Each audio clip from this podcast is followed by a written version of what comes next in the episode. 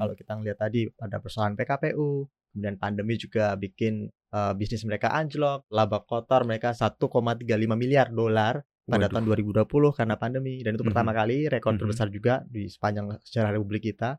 Artinya memang kondisi mereka sangat berat. Utangnya katanya 3 miliar dolar Amerika Serikat. Totalnya nih 9,8 miliar dolar. Totalnya Dan- gitu ya, Wow. Yang harus ditanggungkan dengan total itu kreditor lebih dari 800 pihak. Iya. potensi delistingnya gede nggak sih sebenarnya Hmm. Mas Argun kita tadi kan belum sempat ngukur-ngukur ya Hmm. gede banget ya Koneksi Konten Ekonomi Seksi Halo Sobat Cuan ketemu lagi bareng kita di sini ya bertiga ada gue Daniel Wiguna ada Eksis eksis. dan juga Argun, ada Mas Argun di sini kita bertiga berkumpul di sini tentunya kalian pasti udah pada tahu ya segmennya ini adalah koneksi konten ekonomi yang Seksi. seksi.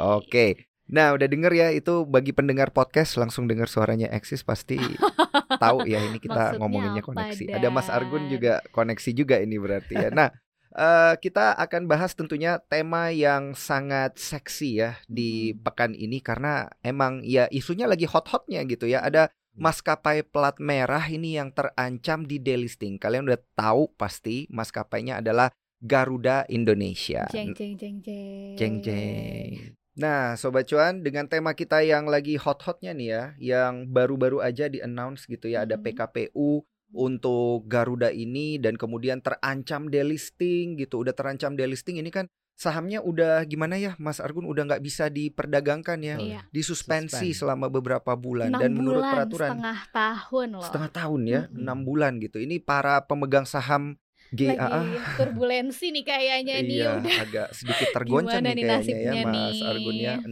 bulan dan menurut peraturan bursa 24 bulan kalau masih tetap disuspensi harus delisting. Mhm. Gitu, forced tapi- delisting. Ya. Iya, forced delisting. Tapi ini too big to fail nggak sih sebenarnya Mas Argun kan maskapai plat merah gitu. Ya, kalau menurut peraturan bursa memang kalau 24 bulan di forced delisting. Tetapi di peraturan lain juga eh, otoritas bursa berhak untuk mendelisting eh, perusahaan terbuka yang dinilai tidak bisa menunjukkan prospek kinerja yang positif ke depan. Nah, Oke. sekarang posisinya Garuda lagi dipertanyakan, bisa nggak dia menunjukkan eh, prospek kinerjanya bisa berbalik menguat gitu karena kan Mm-mm. kalau kita ngelihat tadi ada persoalan PKPU, kemudian pandemi juga bikin eh, bisnis mereka anjlok, Mhm. eh, laba kotor mereka sa seribu eh, berapa ya? 1,35 miliar dolar pada Waduh. tahun 2020 karena pandemi dan itu Mhm. pertama kali rekor Mhm. terbesar juga di sepanjang sejarah republik kita. Artinya memang kondisi mereka sangat berat, tetapi Mhm. bukan berarti tidak ada solusi. Kalau mereka tidak bisa menunjuk menemukan solusi itu baru kemudian bisa di delisting sama bursa. Mhm. Oke. Nah, ini ngomong-ngomong tentang laba kotor tadi yang Ya. itu duit semua ya, sobat cuan Mhm. ya.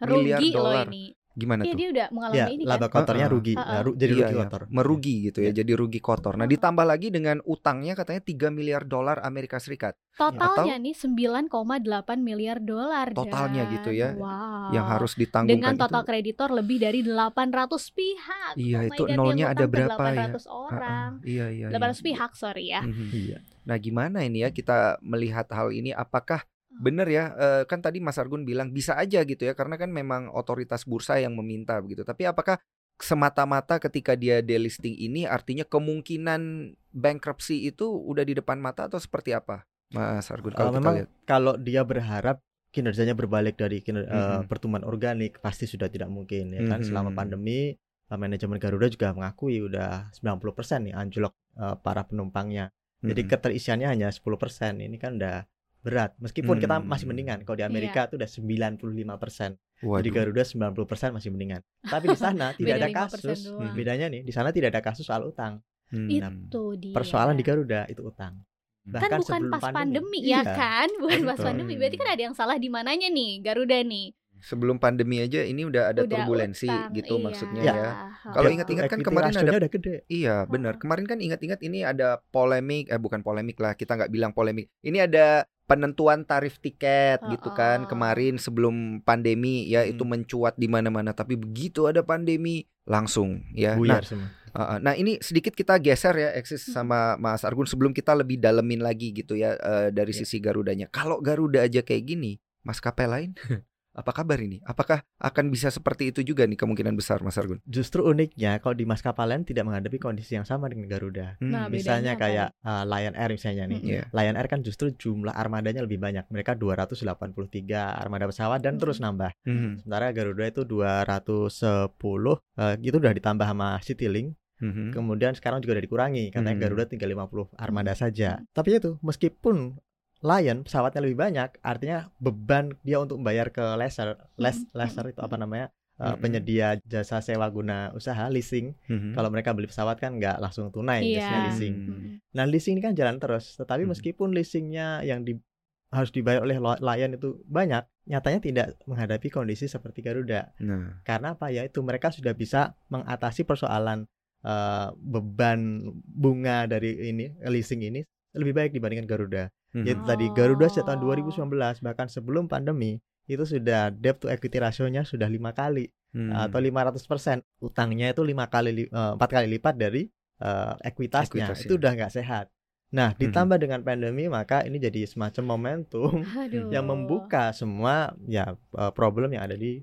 Keuangan di Garuda. Mungkin gitu. sama-sama menderita ya, karena kan penerbangan ya emang yang paling diandalkan kan kapasitas orangnya gitu kan jumlah penumpangnya karena pandemi ya semua pasti semua maskapai mengalami kekurangan itu Betul. gitu ya. Nah Tapi ini kalau ngomongin masalah pendapatan kan Garuda juga punya dong pendapatan pos pendapatan lain-lain gitu ya yang waktu itu pernah jadi satu eh, isu juga ya terkait bagaimana cara pencatatannya eh, secara akuntansi dan lain sebagainya gitu ya. Tapi Iya. kita nggak bahas itu ya sobat cuan. Kita mau bahas pos pendapatan lain-lain dari Garuda sendiri. Ini kan eh, bisalah dari advertising gitu ya atau mungkin dengan eh, apa tuh namanya mengirimkan barang begitu ya. Jadi kan pesawat itu nggak harus selalu isinya Mm-mm, manusia mm-mm, aja mm-mm, gitu ya. Bisa dipakai juga buat kirim Kargo barang kargo gitu. gitu dan lain sebagainya. Ini kurang perform ya berarti ya kalau kita lihat ya Mas Argun ya dari sisi laporan keuangannya. Ya, kalau saya di laporan keuangan juga memang operating income-nya, laba Mhm. operasional sudah tertekan. Nah, kalau yang lain-lain itu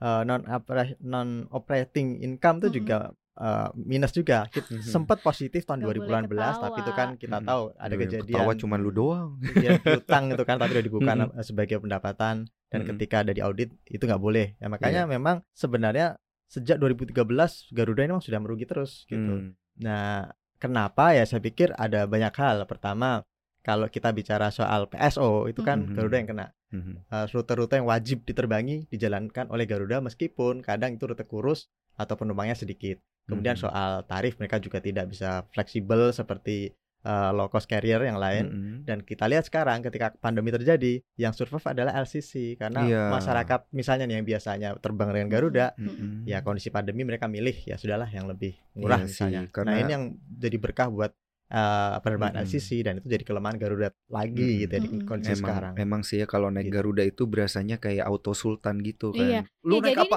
Garuda man. banyak banyak sultan. juga diomongin netizen gitu kan dan sobat cuan mungkin di luar sana gimana sih nih orang tiketnya udah paling mahal masih rugi aja utangnya gede lagi kayak gitu kan biasanya yang nggak diketahuin orang-orang tuh apa sebenarnya masalahnya gitu Nah, Mas bahkan ada yang bilang ini lucu ya kalau Mm-mm. kita dengar pendapat-pendapat dari netizen dan sobat cuan ada yang bilang pilotnya kemahalan katanya dibayarnya gitu Mas Argo. atau pramugarinya loh Waduh, nah ini lebih miring enggak, lagi nih. Lu denger di mana yo? Enggak, enggak, enggak, enggak, enggak, Enggak gitu ya, tapi banyak yang bilang loh kayak gitu, Mas Ya. Argun. Ini tercermin gak sih dari eh, operating income atau operating cost-nya Garuda itu sendiri? Kalau biaya remunerasi buat Mhm. eh, pilot dan Hmm. pramugari itu Mhm. costnya kecil sih. Yang terbesar Hmm. itu Nah, ternyata aftur. Oh, Oke. Oh. Jadi kalau Bahan bakar. bahan bakar tetap. kalau kita Mm-mm. ngomongin soal penerbangan. Kemudian yang ke- terbesar kedua ya operasional bandara, kemudian leasing, Hmm. leasing. Hmm. Leasing ini yang kadang eh, jadi jadi PR.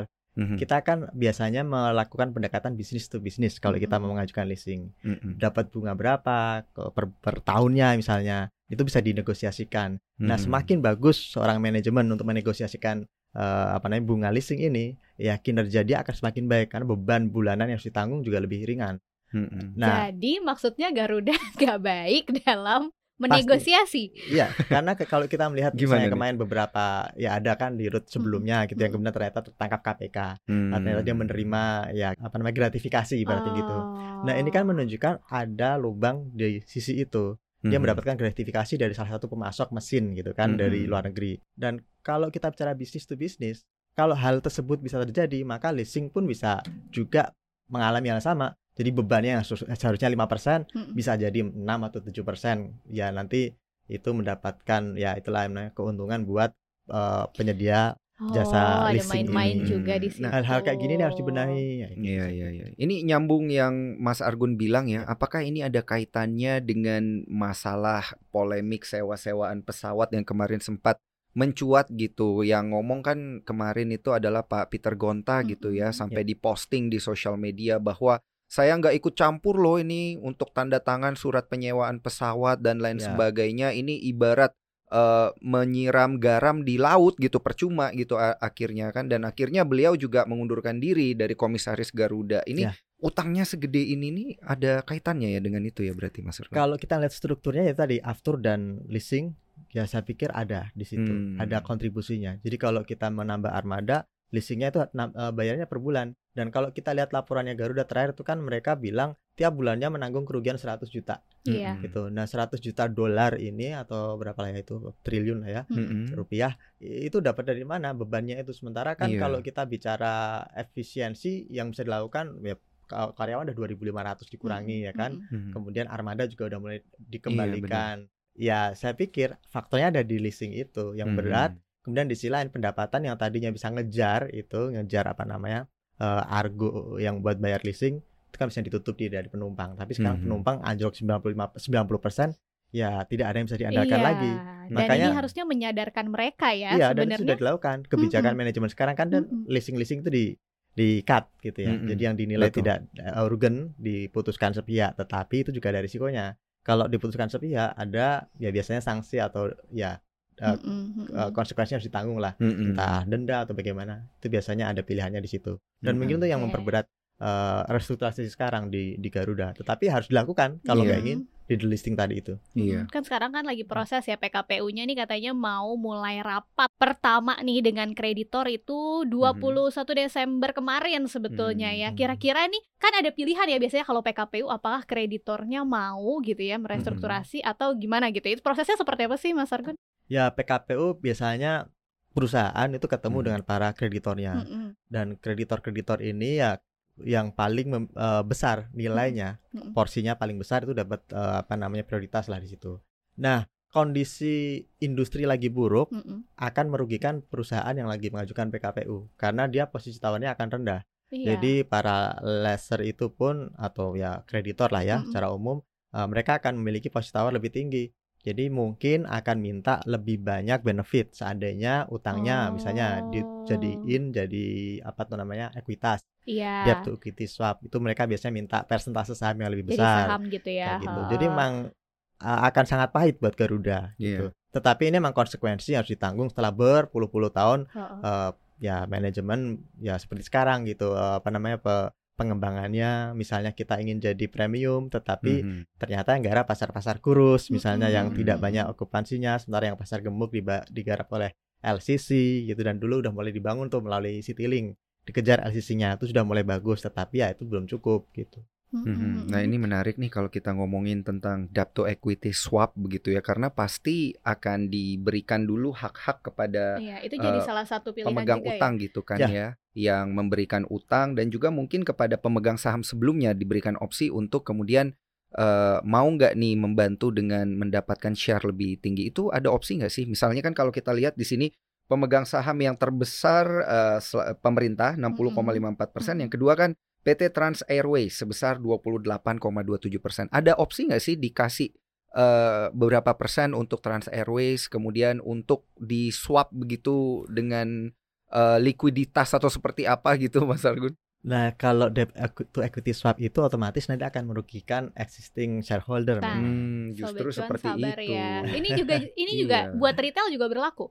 Eh, iya, otomatis nanti porsi kepemilikannya eh, akan tergerus karena akan Hmm. ada pemegang saham baru yang tiba-tiba memiliki sekian persen saham dan itu Mm-mm. menggusur yang lama. Hmm, Sama iya seperti sih. rights issue, Iya. tetapi bedanya kalau debt to equity swap eh, pemegang saham existing tidak punya rights untuk mengeksekusi atau mempertahankan porsi Mm-mm. kepemilikan sahamnya Mm-mm. dengan yaitu beli saham yang baru diterbitkan. itu Iya, kalau right iya, issue. Tapi kalau debt equity swap kan nggak ada opsi itu. Mm-mm. Jadi opsinya ya kalau emang PKPU disetujui eh, akan ada debt equity swap setara dengan taruhlah 30% saham ya otomatis nilai eh, apa namanya dilusinya kurang lebih akan seperti itu. Jadi cuma bisa sabar Terauto-dilusi. aja ya. Iya. Cuma bisa pasrah aja gitu Iya. ya artinya pemegang saham kayak sebelumnya. pemegang saham existing itu tiba-tiba kayak lah kok tiba-tiba porsi gue jadi segini gitu ya karena kan ya memang ada eh, kewajiban yang harus dibayarkan ini berarti eh, kurang lebih mirip kayak itu ya obligasi wajib konversi Ya, gitu OWK. ya OWK Ah. gitu ya ini kan memang mekanisme yang biasa dilakukan oleh emiten tapi itu pun kalau disetujui Iya. begitu ya dengan Ada pilihan para lain nggak selain debt to equity swap? Kalau Ya kayak minta suntikan modal gitu kan.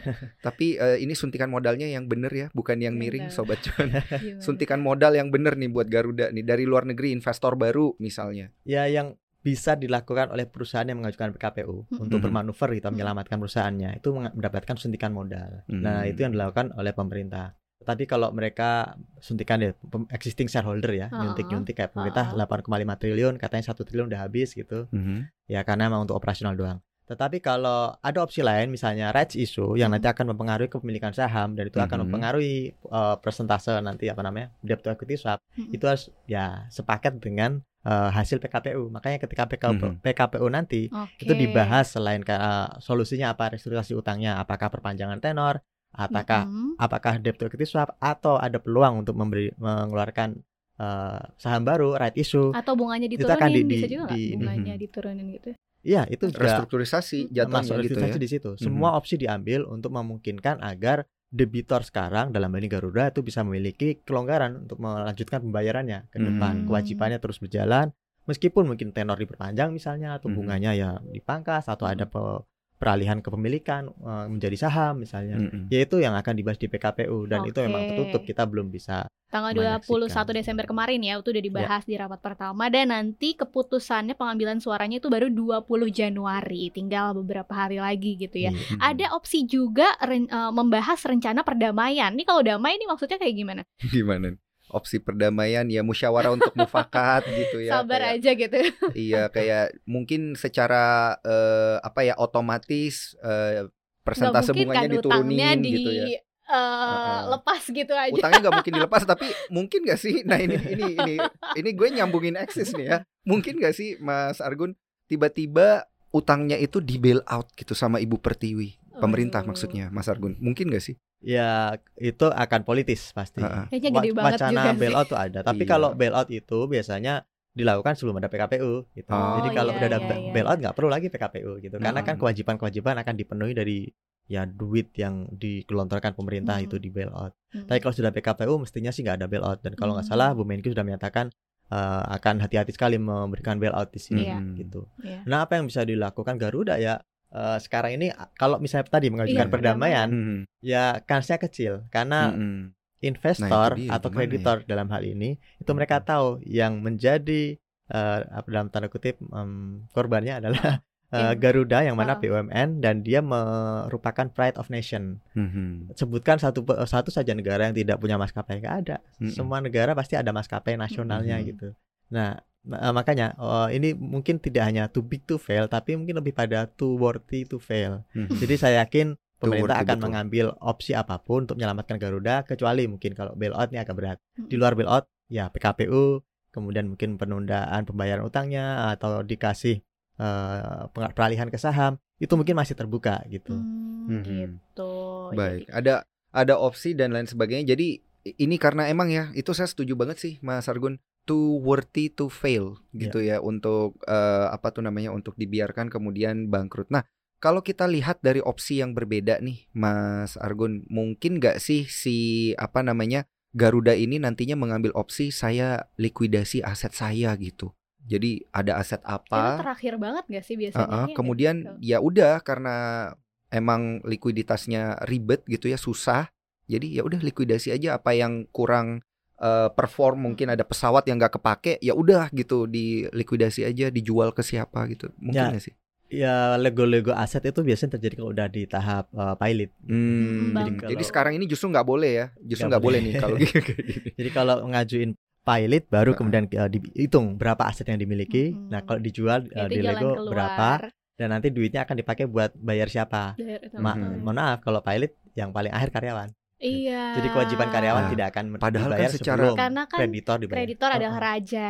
Iya, Ya. padahal kan kalau kita lihat secara hukum ini harusnya kan yang dipentingkan adalah aset perusahaan which is karyawannya dulu kan, Hmm. membayar kewajiban pada karyawan, baru bayar pajak, baru bayar ini dan itu Ya. gitu tapi Nah, jadi- ya Jadi ingat maksudnya kalau ngomongin pilot nih seberapa besar nih kemungkinannya Garuda bisa mengalami pilot ini? Saya pikir sih nggak terbuka opsi Nggak ke ya? sana. Hmm. Makanya PKPU diambil untuk menghindari pilot itu tadi. Oh, oh. mm-mm. Eh, bangkrut dan Kalau nggak sebagainya disetujuin, mungkin bisa nggak sih PKPU-nya nggak disetujui? Mungkin akan alot, tapi kalau misalnya Mm-mm. eh, PKPU ini gagal, Hah? maka yang gagal tidak hanya Garuda, tetapi investor itu sendiri. Iya, Ya kayak kita benar. kan bicara soal dana miliaran dolar Mm-mm. gitu. Benar-benar. Eh, otomatis para investor itu juga berhitung, meskipun Iya, mereka iya, posisinya di atas angin, Heeh. tetapi mereka tidak akan membakar meja yang jadi Heeh, tempat perundingan itu. Pokoknya ya Mm-mm. dapat aja berapa gitu ya, walaupun mungkin nggak akan sebesar utang yang udah mereka pinjemin gitu kan. Tapi yang Mm-mm. penting dapat dulu nih bayarannya Iya. apa. Atau gitu ya. dapat tawaran yang menarik Iya. yang tidak bisa mereka tolak. Kayak Ya. gitu. Misalnya debt equity swap dengan nilai atau porsi saham yang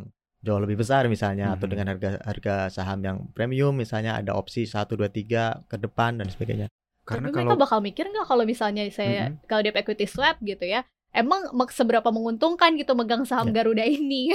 Hmm, Mereka bakal mikir iya, gitu itu, juga itu nggak tapi ya itu benar juga sih kalau misalnya gue gitu ya sebagai gue jadi pengutang. investor gitu kan gue memberikan utang gitu ya mendingan pegang sahamnya sih daripada Gitu ya? kalau bangkrut beneran gak dapet apa-apa gitu kan Mhm. maksudnya ya duit gue yang selama ini gue investasiin gak jadi apa-apa gitu kan bisa-bisa malah Ya. sangat sangat sangat terkuras begitu ya Mas Argun nilainya karena kan bisnisnya nggak jalan pemerintah juga susah yang kasih utang juga nggak dapat apa-apa kewajibannya dan lain sebagainya gitu ya bisa-bisa ya Mas Argun ya Iya, dan Mhm. pemerintah sebenarnya juga kalau mau bisa mendirikan ini conservatorship agency. Ini tuh di- Hmm. dilakukan oleh Amerika Serikat pada Mhm. tahun 2008 ketika dulu ada krisis ya eh, keuangan di sana eh, subprime mortgage Mhm. loan Mortgage, itu ya. ada Fannie, Freddie, bank-bank itu kan pada gulung tikar. Nah, dibikin Mhm. itu lembaga ini. Bank-bank yang harusnya gulung tikar itu Hmm. sekarang selamat berdiri gitu karena adanya Oh. conservatorship agency. Dia yang mengurusi eh, restrukturisasi dan kawan-kawan. Operasional tetap jalan di bank-bank yang bersangkutan. Mm-mm. Nah, eh, Garuda mestinya bisa diberikan skema serupa. Otomatis nanti memang akan ada suntikan ya dana Mm-mm. meskipun nggak bailout yang Mm-mm. total semua Mm-mm. kewajiban diambil alih mungkin nggak. Tetapi ya semestinya bisa tuh eh, disiapkan skema yang Mhm. menarik eh, Oke. untuk dalam tanda kutip agak membailout eh, Garuda menyelamatkan mungkin me- sebagian atau 20-30% dari kewajibannya ya. Atau misalnya pemerintah memberikan apa namanya eh, insentif Mhm. dalam arti gini, bisa aja kita membeli pemerintah nih membeli tiket Garuda dalam waktu dua tahun ke depan. Oh bisa gitu ya? Eh, kemarin am- eh, Trump mewacanakan itu. Jadi Mhm. ketika mereka memberikan bailout 25 miliar termasuk loan Heeh. dan juga itu ada wacana dia akan membeli eh, tiket pesawat dalam waktu dua tahun ke depan untuk eh, perjalanan dinas. Oh, Nah, ya iya itu gitu. kan lebih real ya, maksudnya yang lebih benar-benar bisa dilakuin nih oleh pemerintah sekarang dan eh, cukup menyelamatkan lah ya segitu, eh, cukup bisa kasih napas sedikit Iya. gitu ya. Mhm. Karena kalau kita bicara tadi 100 juta itu sekitar satu triliunan ya, ya Mm-mm. per bulan. Mm-mm. Eh, seandainya pemerintah ingin menyelamat, menyelamatkan Garuda dalam konteks cash flow-nya tetap jalan Mhm. minimal setahun ke depan sampai pandemi selesai dan kondisi normal berbalik semua berbalik positif, ya bisa melakukan itu tadi satu triliun minimal per bulan minimal 15 mil triliun setahun Mhm. ya Mhm. kurang lebih ya 12 sampai 15 triliun harus disiapkan pemerintah. Eh, apakah dana itu ada? Ada ya ada banget gitu karena kan Mhm. sekarang eh, perjalanan dinas gitu termasuk gede juga kemarin per Juli aja udah 11 triliunan gitu yang baru Mhm. cair sekitar 48 persen gitu total ya kurang lebih sekitar 20 triliun eh, setahun untuk Hmm. perjalanan dinas eh, PNS kita nah seandainya pemerintah mau menyiapkan skema tersebut memang agak ribet tetapi setidaknya Selamat. mereka gitu ya. memiliki ya taruhlah membeli eh, tiket dulu di Garuda untuk 20 tahun ke depan Iya. dan itu bisa mereka pegang seandainya nanti kondisi sudah eh, balik normal itu kan bisa dijual lagi Mm. ke masyarakat dan duitnya balik lagi ke pemerintah Oke. Hmm. hitung-hitungannya kan gitu bisa diperhitungkan Ini lah berarti misalnya apa namanya diselamatkan dengan mekanisme perputaran uang ditambah dengan promosinya nanti seperti apa kurang Ya. lebih gitu ya Mas Iya. Betul. kan kemarin skema yang sama ini juga sepertinya dijalankan oleh maskapai penerbangan swasta ya kita dengar-dengar kan ada AirAsia beli Mm-mm. satu setengah juta kalau nggak salah tiketnya itu bisa dipakai eh, selama berapa lama ya setahun atau berapa Oh, bulan iya, ada gitu promosi kayak gitu Heeh, sih. ada promosi kayak gitu cuman kan kalau kita lihat dari sisi perhitungannya ini balik lagi ya ke maskapainya Hmm. hitung-hitungannya bisa nggak nih kalau pakai promosi kayak gitu karena kita lihat kan ini eh, dari beberapa maskapai juga yang kena turbulensi COVID gitu ya. Jadi Ya. COVID ini emang bukan cuman memperburuk kondisi kesehatan, Mm-mm, kondisi maskapai mm-mm. penerbangan juga. Itu Hmm. ada Thai Airways kan kita ingat ya beritanya itu di Thailand eh, apa tuh namanya para pramugarinya, petugas-petugasnya begitu mereka yang bekerja di sana itu katanya sempat kayak jualan odading gitu ya karena iya Iya, katanya iya, gitu ya boleh waktu ketawa kemarin yang informasi yang kita dapatkan ya karena memang kondisinya kan berat banget ya untuk Thai Ya. Airways sendiri. Kemudian Jadi ada dirumahkan, bukan Iya. dipecat tapi dirumahkan. Iya, dirumahkan. Kerja dulu, mungkin Uh-uh. dipotong gaji ya gitu. bahkan sampai perdana menteri Thailand juga mengatakan kan ini eh, walaupun ya memang pemerintahnya pasti memiliki saham mayoritas tapi kan dikatakan apa namanya tidak diizinkan untuk bangkrut gitu u- eh, untuk Ya. Thai Airways ini. Begitu juga ada Philippine Airlines, kemudian ada maskapai-maskapai penerbangan plat merah milik negara itu Hmm. sendiri ya yang kemudian dilarang untuk bangkrut gitu karena Oke. tentunya akan eh, membuat kondisi eh, investornya berdarah-darah, kemudian eh, staff-staffnya juga berdarah-darah, Hmm. pemegang saham berdarah dan lain sebagainya. Nah, moga-moga ini nggak terjadi ya nantinya untuk eh, maskapai Garuda begitu. Dan Tapi yang ada di Indonesia juga gitu ya. Mm-mm. Kita balik lagi kali ya ke delisting ini. Pasti kan Mhm. sobat cuan yang megang saham GIAA Mhm. penasaran nih ya nasib gue gimana nih kalau delisting gitu ya nggak sih kayak gimana nih jadinya Mas Argun? Ya, otomatis eh, harus dikeluarkan juga dari bursa. Mereka kan jadi pemegang saham masih Mm-mm. tetap Garuda, tetapi nggak bisa diperdagangkan lagi di bursa. Jadi Hmm. kalau misalnya Daniel punya saham Garuda dengan harga berapa lah, Mm-mm. taruhlah eh, 100 misalnya. Ya sudah, harga itu harga yang terakhir diperdagangkan. Habis itu dia nggak bisa lagi trading di bursa atau di mana pun. Mm-mm. Kalaupun mau jualan, ya private placement, ketemu pemegang saham lain atau Oh. pasar berharap nego gitu jadinya. negosiasinya langsung ketemu. Langsung. Nggak pasar sekunder yang di iya. bursa, tapi pasar Mm-mm. primer. Mm-mm. Daniel ketemu pihak investor atau calon investor atau mungkin paling nanti Daniel harus berdoa ya agar ada investor baru yang Aduh. masuk dan mau beli iya, saham-saham iya, iya. kecil-kecil yang dipegang oleh publik tadi itu Uh-uh. dikumpulin sama mereka dengan harga yang ya ada Oh, margin lah gitu. kayak gitu. Tuh, Oke. harusnya sih kalau masih bagus, Mhm. misalnya masih dapat untung gitu kan, Hmm, masih bisa dapat dividennya ya kalau pemegang saham kan ya. betul. Tapi kan Hmm. problemnya lagi nggak ada sekarang lagi dividen ini. Nah, ini Jadi potensi delistingnya gede nggak sih sebenarnya Hmm. Mas Argun kita tadi kan belum sempat ngukur-ngukur ya Mm-mm. gede banget ya di Eh, delisting kalau menurut aturan kan kita hitungan kuantitatif kan 24 bulan. Ini baru enam enam bulan, bulan. jadi pandemi masih satu tahun ke depan harusnya sih udah membaik ya. 2023 harusnya kalau Iya, 24 berarti bulan. satu setengah tahun ini ya Oh. waktunya manajemen Garuda untuk berbenah diri Iya. gitu ya Minimal apa yang bisa dia lakuin gitu supaya Hmm. buka suspensinya aja dulu kali ya sebelum ya harus bayar utang dulu baru dibuka Pasti gitu kan PKPU harus ada PKPU hasilnya nya. dulu dan mereka menunjukkan bahwa eh, mereka bisa menunjukkan prospek keberlanjutan usaha. Nggak Hmm. harus untung kan? Ini kayak muluk banget. Eh, ya. nggak harus untung, Heeh. tetapi harus meyakinkan bursa karena ini kan penilaiannya berarti kualitatif. Nanti Hmm. Oh. self regulatory agency ini bursa efek ini mereka akan bertemu dengan manajemen eh, Garuda, Hmm. kemudian Garuda kasih paparan apa yang akan dilakukan ke depan dan apakah itu menjamin bahwa arus kas mereka masih aman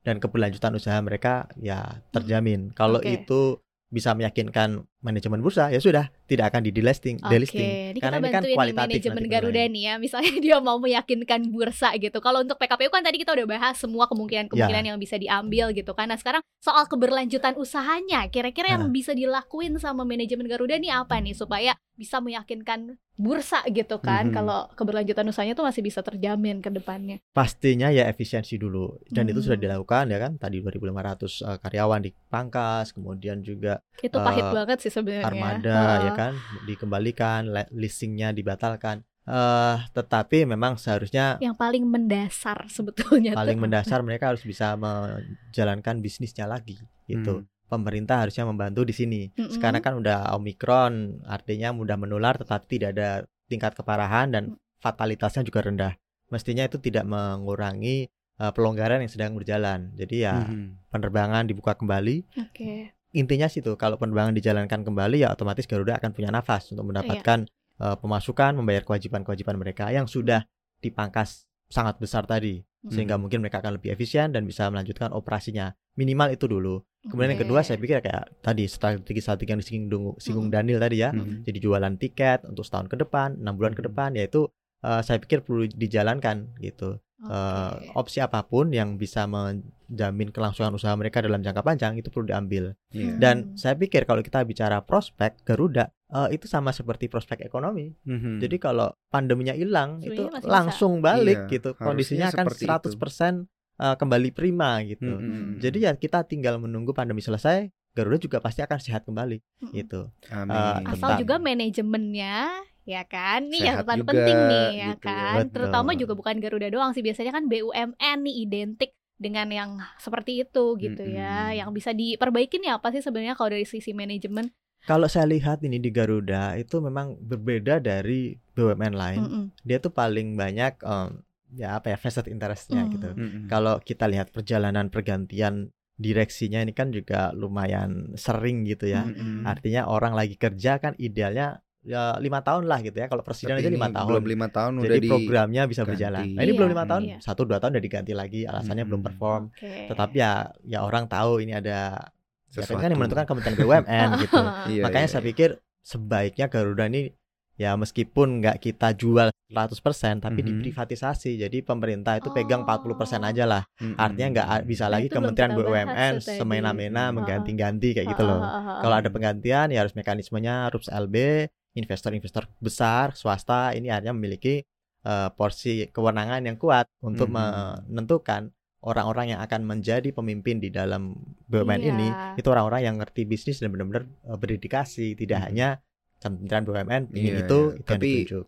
Ya Kayak kayak gitu. Takutnya kalau misalnya Privatisasi. yang dominan itu adalah para investor dan lain sebagainya, ya hilang jadinya BUMN-nya kan. Oh, Karena kan udah tidak unanimous lagi kan Iya, iya, keputusan jadi dia udah kalah dari privatisasi, 50% gitu ya. Ya, seperti itulah ya kurang lebih Ya. permasalahan yang terjadi di emiten Garuda saat ini memang masih menjadi polemik tapi tentu kita berdoa ya moga-mogahan seperti menemukan yang- jalan keluarnya. Mm-mm, dan yang seperti yang Mas Argun bilang tadi ya, pandemi Mm. selesai, masalah eh, maskapai penerbangan ini juga selesai begitu Benar. ya. Dan selanjutnya kita ada info apa lagi nih? Agnes? Ada banyak pastinya ya dan Mhm. informasi-informasi menarik yang nggak bisa kita bahas satu-satu pasti di sini. Tapi sobat Mhm. cuan bisa pantengin terus, bisa dengerin podcast cuap-cuap cuan di Spotify, Apple Podcast, Google Podcast dan Anchor. Mhm, dan sobat di cuan juga bisa Instagram. follow Instagram. Mm-mm. di- Ada di cuap underscore cuan dan YouTube ada di mana nih? YouTube-nya bisa di subscribe channel YouTube kita di cuap-cuap cuan. Sobat cuan bisa like, komen dan pastinya share ya semuanya Hmm, wajib. ke